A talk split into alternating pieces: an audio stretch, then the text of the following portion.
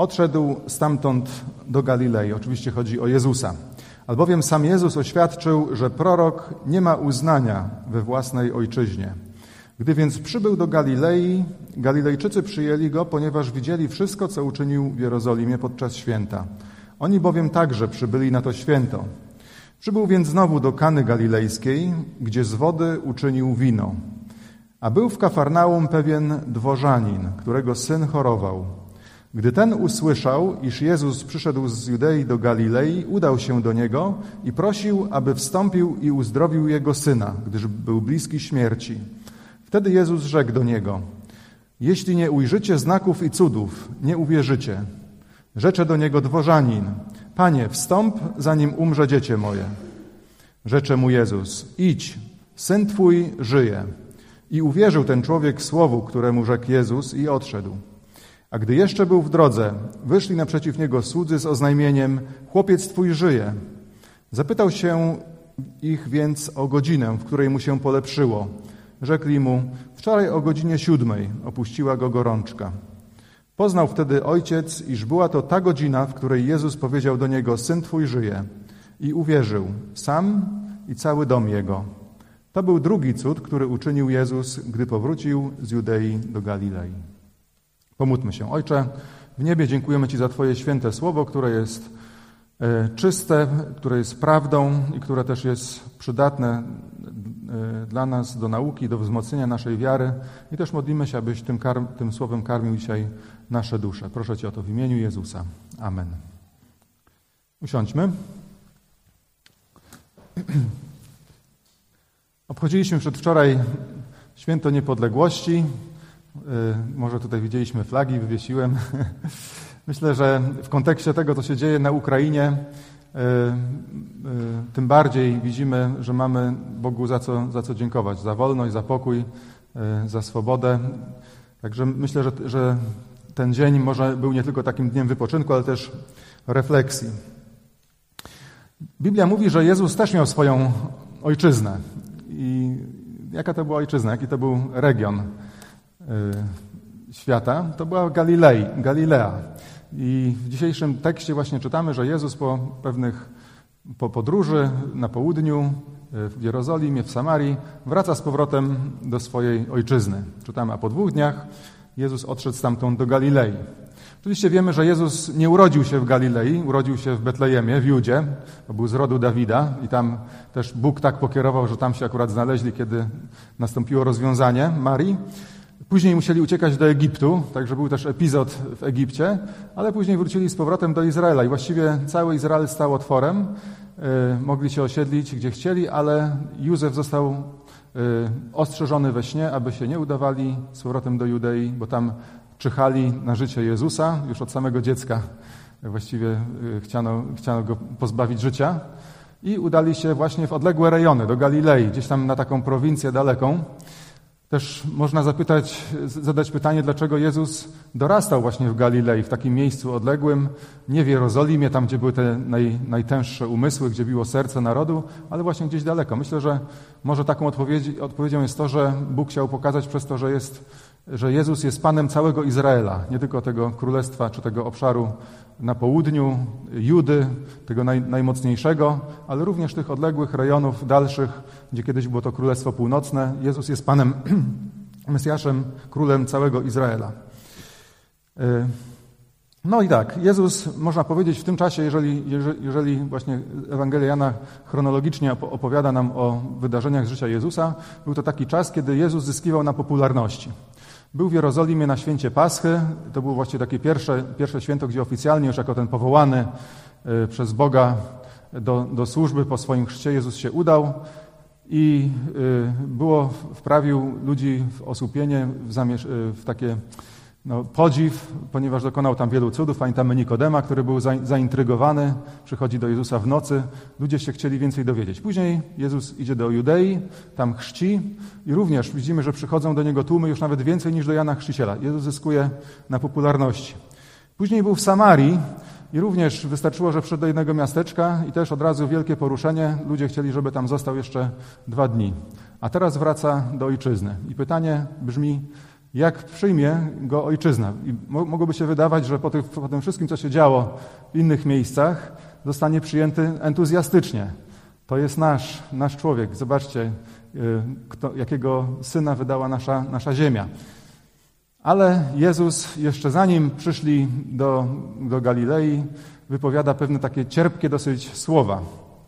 Jezus mówi, albowiem sam Jezus oświadczył, że prorok nie ma uznania we własnej ojczyźnie.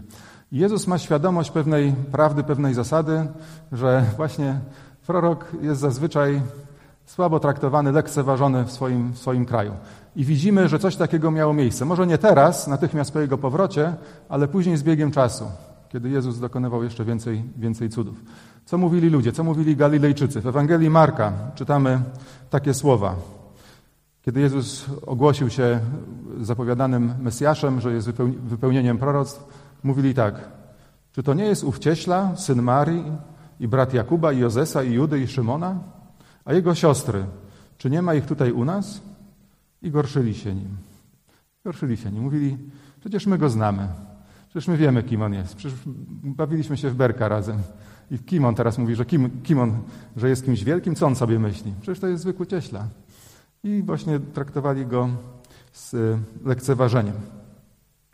I myślę, że nie, nie, tylko chodzi tutaj o Jezusa, że Jezus nie był uznawany tam w Galilei, w swojej ojczyźnie, ale dotyczy to po prostu każdego jednego człowieka, który jest posłany przez Boga, yy, tak w cudzysłowie proroka, który głosi yy, Boże, Boże Słowo. Czy tego nie doświadczyliśmy sami, kiedy może chcieliśmy się dzielić yy, Ewangelią z naszymi bliskimi? Ludzie, może jeżeli jeszcze byliśmy młodymi ludźmi, patrzyli na nas i mówili, pamiętamy jak ty biegałeś jeszcze w pampersach. I co ty chcesz teraz nas tutaj uczyć? Myślisz, że my nie wiemy? E, niekiedy taki problem mają osoby, które chcą być pastorami w zborach, gdzie, gdzie dorastały. E, ktoś już dorósł, wyszedł, gdzieś skończył seminarium, potem przychodzi, ale wszyscy widzą w nim tego Jasia czy tego Krzysia, który gdzieś tam kiedyś biegał, chodził na szkółkę. I specjalnie takie osoby mają trudność czy, czy kłopot, żeby cieszyć się wielki, wielkim autorytetem swojej społeczności. Może to się przejawić w jeszcze inny sposób. Pewien pastor, pamiętam, żalił się, że kiedy przyjechali, żalił się, no tak, dzielił się taką y, refleksją, że kiedyś przyjechali Amerykanie, mówili pewne rzeczy i wszyscy słuchali z, z rozdziawionymi ustami tego, co mówili. A on mówi, że właściwie oni mówią to samo, co on każdą niedzielę głosi, tylko że to byli Amerykanie i wszyscy ich słuchali. Tak samo jest w Brazylii, jest tam dużo Brazylijczyków polskiego pochodzenia, zresztą ukraińskiego też, to, to jest ciekawe i z innych nacji europejskich, ale ci, ci ludzie, właśnie ci Polacy, Brazylijscy, bardzo mocno się trzymają tradycji. I kiedy Kościół brazylijski jest bardzo mocny, baptystyczny czy, czy w ogóle ewangeliczny, ale kiedy starają się głosić Ewangelię tym Polakom, oni są zamknięci. Ale kiedy przyjedzie ktoś na przykład z Polski, albo z Europy, albo z Ameryki, wtedy słuchają. Jakoś jest coś takiego, że ludzie tych swoich nie chcą słuchać. Dzisiaj jest tak, że w Polsce jest bardzo dużo Ukraińców i też dużo wierzących osób z Ukrainy. I myślę, że dla naszego kraju to jest duże błogosławieństwo, bo ludzie może będą bardziej otwarci i zainteresowani, żeby posłuchać kogoś właśnie z innego kraju niż, niż po prostu nas.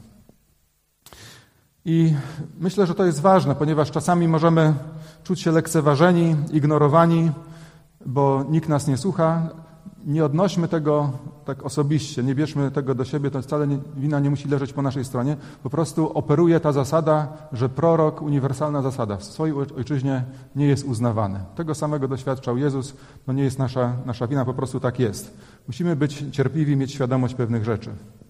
Pojedziemy do innego kraju, będą nas słuchać. Pamiętajmy też, żeby nie lekceważyć innych, szczególnie młodych yy, nauczycieli. Y, apostoł Paweł pisał do Tymoteusza, niechaj cię nikt nie lekceważy z powodu młodego wieku. I on był wtedy w Efezie i pamiętamy, że właśnie w Efezie Efezjanie mogli tak troszkę Pamiętali jeszcze, jak on był asystentem Pawła, gdzie nosił Pawłowi teczkę, jak to się mówi w cudzysłowie, a teraz zajmuje y, jakby to główną, główną pozycję i pewnie myśleli, co ten Tymoteusz sobie myśli, że my będziemy go słuchać tak, jak słuchaliśmy Pawła? I apostoł Paweł mówi, tak, masz właśnie ten autorytet. Jesteś również powołany przez Boga, głosisz Ewangelię i nie, nie pozwól, abyś był lekceważony. I musimy być otwarci na to, żeby również słuchać czasem młodszych ludzi, ale którzy są powołani przez Boga, ponieważ właśnie Bóg y, chce przez, przez nich też do nas mówić i nas, nas budować. I nie popełniać błędu y, Galilejczyków. Ale, że tak powiem, świeżo po tych cudach Galilejczycy jeszcze nie mieli tego dystansu. Czytamy w 45 wersecie, gdy więc przybył do Galilei, Galilejczycy przyjęli go, ponieważ widzieli wszystko, co uczynił w Jerozolimie podczas święta. Oni bowiem także przybyli na to święto. Widzieli, co tam się dzieje, widzieli te wszystkie rzeczy, byli pod wrażeniem. Kiedy Jezus przybył na początku, yy, otaczali go szacunkiem. Yy, przybył więc znowu do Kany Galilejskiej, gdzie z wody uczynił wino. I tutaj jest właśnie ciekawe, dlaczego Jezus poszedł nie do Nazaretu, bo tam był jego dom rodzinny, ale do Kany Galilejskiej. Pytanie dlaczego? Może dlatego, że chciał zobaczyć, czy jest w tym miejscu wiara. Przecież to był potężny cud. Zamiana wody w wino to było coś niezwykłego. I pamiętał, y, jeszcze niedawno był w Samarii, gdzie właściwie nie dokonał żadnego wielkiego cudu. Ludzie się garnęli, byli zainteresowani jego osobą, chcieli się więcej dowiedzieć. Chciał zobaczyć, czy coś takiego ma miejsce w Kanie. Może ktoś uwierzył, może potrzebuje umocnienia. To było właśnie obecne w służbie Jezusa, również w służbie apostołów, kiedy głosili Ewangelię, nawracali się ludzie, później wracali z powrotem w te miejsca, umacniali braci, zachęcali ich, aby trwali w Panu, pisali listy. My też powinniśmy się troszczyć właśnie o tych nowonawróconych yy, yy, i no właśnie interesować się, jak, jak u nich jest, jak jest ich wiarą. Pytanie, czy Jezus zastaje wiarę w Kanie Galilejskiej. Wydaje się z tego, co mówi później, że chyba nie bardzo. Ale następuje tutaj pewien, pewna zmiana tematu. E, I 40, od połowy 46 wersetu czytamy tak. A był w Kafarnaum pewien dworzanin, którego syn chorował. Gdy ten usłyszał, iż Jezus przyszedł z Judei do Galilei, udał się do niego i prosił, aby wstąpił i uzdrowił jego syna, gdyż był bliski śmierci. Tragedia w rodzinie. Choruje syn i to nie, nie była jakaś lekka choroba, ale ciężka choroba. Y, niektóre tłumaczenia mówią, że to był chłopiec, młody chłopiec. Wielka, y, wielkie nieszczęście. I widzimy, że choroba nie wybiera, dlatego że ten człowiek był dworzaninem. Tutaj dosłownie to jest słowo królewski, y, czyli człowiek z otoczenia, najbliższego otoczenia króla. Wysoka szycha, wysoki, wysoka ranga, pozycja w społeczeństwie, prawdopodobnie bogactwo również, to był, to był ktoś ważny. Ale choroba nie wybiera i chorują i dzieci bogatych, i dzieci ubogich. Człowiek ten słyszy o Jezusie. Słyszał, że był w Jerozolimie, że dokonuje wielu cudów y, i może pojawia się taka myśl. Lekarze nie mogą pomóc mojemu synowi. Może ten człowiek zaradzi. Y, już dużo o nim słyszał i decyduje się udać do Jezusa.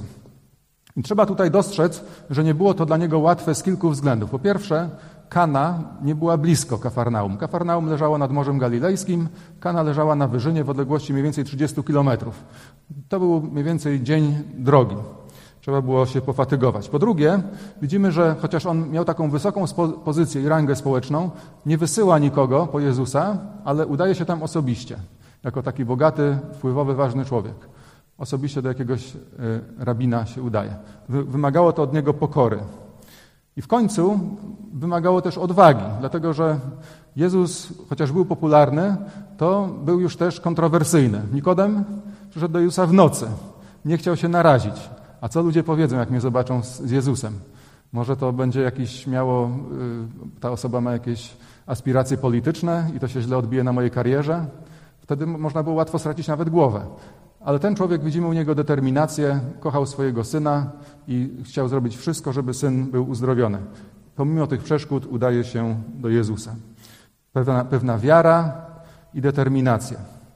A jednak to, co mówi Jezus, jest jakby takim troszkę, nie wiem, kubłem zimnej wody na głowę. Tak, takie dosyć cierpkie słowa tutaj wydaje się wypowiada, jakby nie, nie dostrzega stanu ducha tego człowieka. Jezus mówi, wtedy Jezus rzekł do niego, jeśli nie ujrzycie znaków i cudów, nie uwierzycie.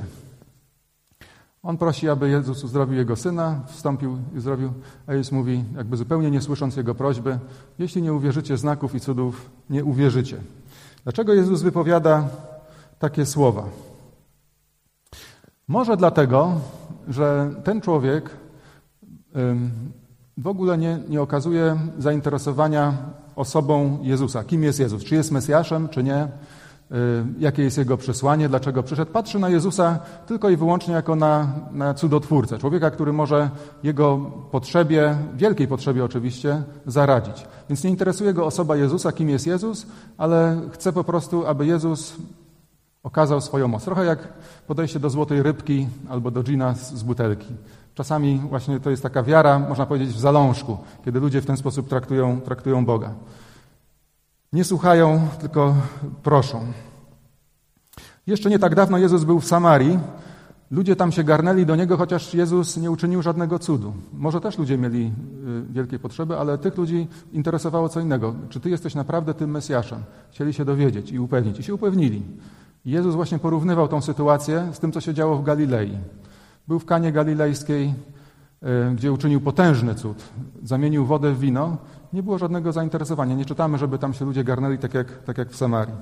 Jezus mówi, jeżeli wy, Galilejczycy, jesteście inni, jeżeli nie zobaczycie jakichś znaków i cudów, y, nie uwierzycie. Jezus myślę, że wypowiada pewną ważną prawdę. Ludzkie serca z natury są skoncentrowane na swoich potrzebach, na, na naszym, y, na, naszy, na naszym ja, na własnym interesie i musi nami wstrząsnąć Y, jakieś wielkie osobiste doświadczenie, wydarzenie, aby nasze serca były poruszone żebyśmy zaczęli szukać Boga, abyśmy zaczęli się interesować Jezusem. Ale Bóg to czyni. Bóg wychodzi naprzeciw, zna naszą słabość, widzi, że jesteśmy właśnie tacy egoistyczni i Bóg często właśnie daje nam poznać. Nie tylko kieruje do nas swoje słowo, ale właśnie również czyni jakieś niezwykłe rzeczy w naszym życiu, abyśmy mogli poznać i doświadczyć osobiście, że On jest, że on jest Bogiem. Hebrajczyków 2:4 czytamy takie słowa. A Bóg poręczył je, czyli, czyli swoje słowo, Bóg poręczył swoje słowo również znakami i cudami i różnorodnymi, niezwykłymi czynami oraz darami Ducha Świętego według swojej woli. Jest nie, nie, tylko tak, że słyszymy Boże Słowo, ale często towarzyszy, szczególnie na początku, e, Bóg jakoś potwierdza w naszym życiu w jakiś sposób, tutaj jest użyte słowo, słowa znak i cud. Więc są to, słowo cud oznacza jakieś niezwykłe wydarzenie. Cuda nie widy. Coś, co w naturalny sposób nie mogłoby się wydarzyć. Y, a znak, cuda nie miały tylko y, za zadanie y, pokazać Bożej wielkości, manifestować Bożą, Bożą moc, ale zawsze też miały jakieś przesłanie, niosły jakąś głębszą treść. I Bóg zawsze, kiedy wykonywał jakieś, jakieś cuda, Jezus dokonywał jakichś cudów, zawsze ono niosło pewne przesłanie, pewną naukę od Boga. I Bóg y, zna naszą słabość i wie, że potrzebujemy również takiego potwierdzenia, y, że, że to, co jest mówione, to, co jest głoszone, jest prawdą. Pamiętam, kiedy byłem jeszcze na początku mojej drogi z Bogiem, właściwie zacząłem wtedy czytać Biblię i wtedy miałem taki obraz Boga, który jest bardzo surowy, y, wymagający i który no, jest gotowy do tego, żeby potępić. Bałem się po prostu Boga, ale też słyszałem właśnie Ewangelię, że Jezus jest miłością, że wybacza grzechy. I tak nie byłem pewien właściwie, jaki jest Bóg. Pamiętam tak, takie drobne wydarzenie, ale też właśnie rodzaj takiego, y, czy, czy Bóg w ten sposób do mnie przemówił, w nadzwyczajny sposób. Byłem w harcerstwie i jechaliśmy do Szwecji na jakiś tam, y, na jakiś tam zjazd harcerzy i płynęliśmy promem ze Świnoujścia i kiedy weszliśmy na ten prom, był tam taki luk bagażowy, gdzie, gdzie złożyliśmy swoje plecaki. I on był tak dosyć nisko i tam, żeby ten y, y, plecaki włożyć, ja najpierw sprawdziłem, czy tam niczego nie ma i coś tam znalazłem, wyciągnąłem, patrzę, a tam był taki mały krzyżyk skórzany i było na nim napisane wiara, nadzieja, miłość. I wtedy, na tamtym etapie mojego życia, to był taki naprawdę znak jakby cudowny od Boga, że Bóg mnie kocha że Bóg, że, że Jezus jest tą odpowiedzią. Jakiś taki epizod, można powiedzieć, mało znaczący drobiazg, ale Bóg czasami w takie drobne sposoby, Bóg zawsze wie, jaki jest dla nas odpowiedni, jaki, jaki znak jest dla nas odpowiedni, żeby do nas, żeby do nas przemówić. I Bóg daje znać o sobie, że On jest właśnie y, prawdą że, jego, że, ta droga jest pra, że ta droga jest prawdziwa. Jezus ma świadomość, że człowiek potrzebuje, potrzebuje takiego zapewnienia. Co odpowiada dworzanin? Rzeczy do niego dworzanin, Panie, wstąp zanim umrze dziecię moje. I tutaj widać, że Jezus mówi jedno, a dworzanin cały czas mówi tą swoją płytę, to jakby mówią obok siebie. Dworzanin w ogóle nie rozumie, co, co Jezus mówi tam o jakichś cudach. On po prostu myśli o tym swoim synu i błaga. Trochę przypomina tą wdowę, która prosiła adwokata, żeby ujął się za nią. Jest taka przypowieść w Ewangelii Łukasza. Prosiła, prosiła, prosiła, nagabywała, nagabywała, aż powiedział, dobra, żeby mnie nie uderzyła w twarz, to się zgodzę. I właśnie ten człowiek właśnie taki jest nachalny i widać, widać tą wiarę, ale widać wiarę, która jest jeszcze powierzchowna. On nie interesuje się Jezusem, kim jest Jezus, dlaczego przyszedł, ale on po prostu ma swoją potrzebę i widzi w Jezusie tylko widzi na razie cudotwórcę. Ale determinację trzeba mu na pewno zapisać na plus. Co się dzieje dalej? Rzecze mu Jezus, idź, syn twój żyje. Takie słowa, yy, myślę, że trochę zaskoczyły tego, tego człowieka. Syn twój żyje. Uwierzyć mu czy nie uwierzyć? Uwierzyć mu czy nie uwierzyć? Kolejne y, wyzwanie dla jego wiary, ale myślę, że, bo myślę, że w tych słowach y, było coś takiego, co jednak kazało mu wierzyć. W Starym Testamencie jest podobna historia, kiedy, kiedy pewna kobieta, ona nie była wdową, ale y, miała urodził się jej syn, przez długi czas nie miała dzieci, potem urodził się jej syn i ten syn zachorował i umarł. I przyszła do proroka Elizeusza i błagała go, aby przyszedł i wskrzesił go. Prorok Elizeusz mówi, dobrze, mój sługa pójdzie, położy swoją laskę na jego głowie i dziecko wstanie. A ona mówi, nie, nie, nie, nie. Nie chcę, żeby sługa szedł, ty przyjdź. I nie puściła go i on się zgodził i poszedł. A co z tym człowiekiem? Idź, syn twój żyje. Czy, czy napierał, aby Jezus poszedł, czy zaufał temu słowu? I uwierzył ten człowiek słowu, które wyrzekł Jezus i odszedł. Na samo słowo uwierzył. Widać, że pewna. Dla niego to było troszkę jak chodzenie po wodzie, jak taki krok, krok w nieznane. Ale było coś w słowach Jezusa, był pewien autorytet, który kazał mu wierzyć, że faktycznie tak się stało. To jest właśnie wiara. I widzimy, że ta wiara zaczyna się rozwijać. On zaczyna wykonywać pewne kroki wiary. Myślę, że to jest coś podobnego, kiedy modlimy się o coś, modlimy się i w pewnym momencie y, odczuwamy w sercu, nie da się tego powiedzieć, ale odczuwamy, że Bóg wysłuchał naszej modlitwy, że nasza modlitwa dotarła przed tron Boży. Nie wiemy jeszcze, jaka będzie odpowiedź, nie wiemy, co się stanie, ale wiemy, że Bóg usłyszał. Coś takiego ten człowiek doświadczył. Tak jak Anna modliła się o, o dziecko, i Heli powiedział jej: Bóg usłyszał Twoją modlitwę. I już więcej nie płakała. Takie zapewnienie, taki pokój w sercu. Ten człowiek już wiedział, już miał to przekonanie. Słowo Jezusa go przekonało, zrodziła się w jego sercu ta wiara, już, już, już trochę większa. Ale pojawia się następne wyzwanie. A gdy jeszcze był w drodze, wyszli naprzeciw niego słudzy z oznajmieniem: Chłopiec twój żyje. Ale wyobraźmy sobie ten moment, kiedy, zanim on jeszcze spotyka tych sług. On dopiero widzi, że, że się zbliżają i sobie myśli, dlaczego oni idą? Gdyby się nic nie stało, siedzieliby w domu. Coś się musiało stać. A może się stało to najgorsze.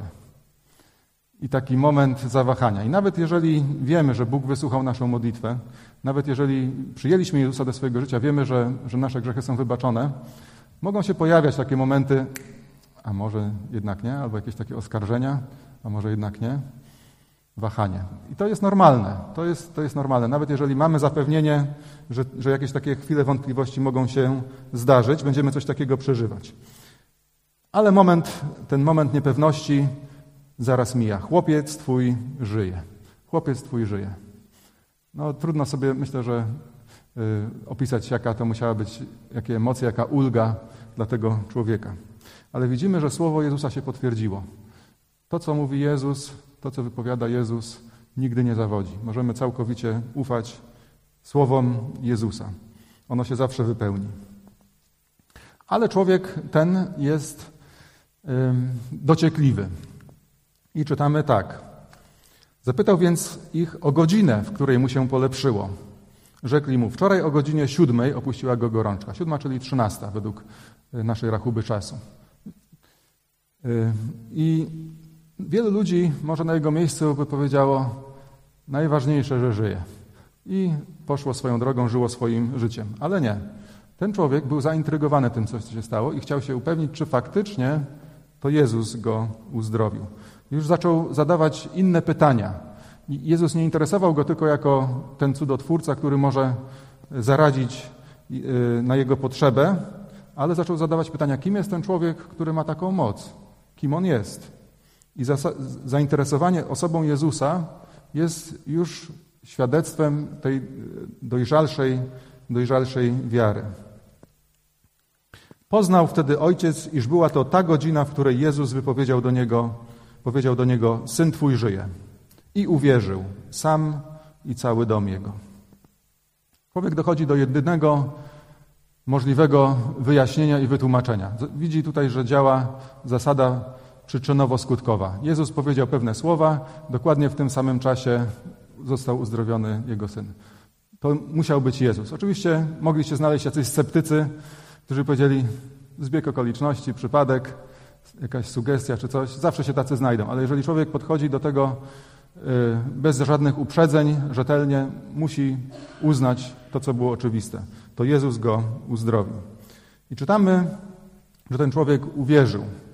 Nie tylko on, ale też cała, cała jego rodzina, dla wszystkich to było wielkie osobiste świadectwo i doświadczenie Bożej mocy. Widzimy, że dla tego człowieka Jezus już nie jest tylko cudotwórcą, kimś, kto może mojej potrzebie zaradzić, odpowiedzieć na moją modlitwę, poprawić mój los, ale widzimy, że oni się zaczęli interesować Jezusa i dostrzegli w nim obiecanego Zbawiciela. I już nie tylko był dla nich jakąś osobą tam odległą, ale kimś, kto okazał osobiście w ich życiu swoją miłość, swoją wielką moc i którego postanowili czcić jako, jako Zbawiciela, któremu postanowili oddać swoje życie i którego postanowili naśladować. I to jest już zupełnie inna wiara niż ta, którą mieli, na, niż ta taka szczątkowa w zarodku, którą mieli na początku, gdzie widzieli tylko w Jezusa kogoś, kto może y, im pomóc. Teraz jest, Jezus jest kimś, komu chcą być posłuszni, w kogo wierzą, kogo wyznają i kogo, kogo chcą słuchać. Wierzą, że jest Synem Bożym i Zbawicielem. Także widzimy, że pewna, że ta droga przez różne próby y, y, człowiek ten z takiej powierzchownej wiary doszedł do tej prawdziwej, głębokiej wiary. Zresztą to w Ewangelii Jana widać, kiedy Jezus rozmawia z różnymi ludźmi. Widzieliśmy, jak rozmawiał z tą kobietą samarytańską, kiedy też ona od takiego miejsca, gdzie była zupełnie w swoim świecie, gdzieś żyła, przeszła do momentu, kiedy zobaczyła, że Jezus jest, jest Zbawicielem. Apostoł Jan to właśnie we wspaniały sposób pokazuje na przykładzie indywidualnych osób. Jedną z nich jest właśnie ten dworzanin. Dojrzała wiara. I tutaj możemy sobie zadać pytanie, czy moja wiara jest dojrzała? Kogo ja widzę w Jezusie? Jak patrzę na Jezusa? Czy patrzę na kogoś, do kogo się tylko modlę, kiedy mam jakąś potrzebę, żeby odpowiedział? On będzie odpowiadał, bo on czyni chętnie, odpowiada na modlitwę, daje o sobie znać. Ale ta dojrzała, prawdziwa wiara to, to nie jest ta, która tylko oczekuje od Niego. Owszem, mamy prawo i, i powinniśmy się modlić o wszystko, ale nasza dojrzała wiara również chce słuchać Jezusa, chce Jemu być posłuszna yy, i uznawać Go jako, jako Zbawiciela. To jest dojrzała wiara. To był drugi cud, który uczynił Jezus, gdy powrócił z Judei do Galilei. Sam początek, to był sam początek działalności Jezusa. Później e, Jezus uczynił jeszcze mnóstwo, mnóstwo cudów w Galilei. Ludzie jak, jak zareagowali, tak zareagowali. Nie traktowali e, właśnie Jezusa jako, jako proroka posłanego od Boga. W Nazarecie nawet chcieli go strącić z klifu, bo to miasto było położone takim, na takim klifie, za kogo ty się masz.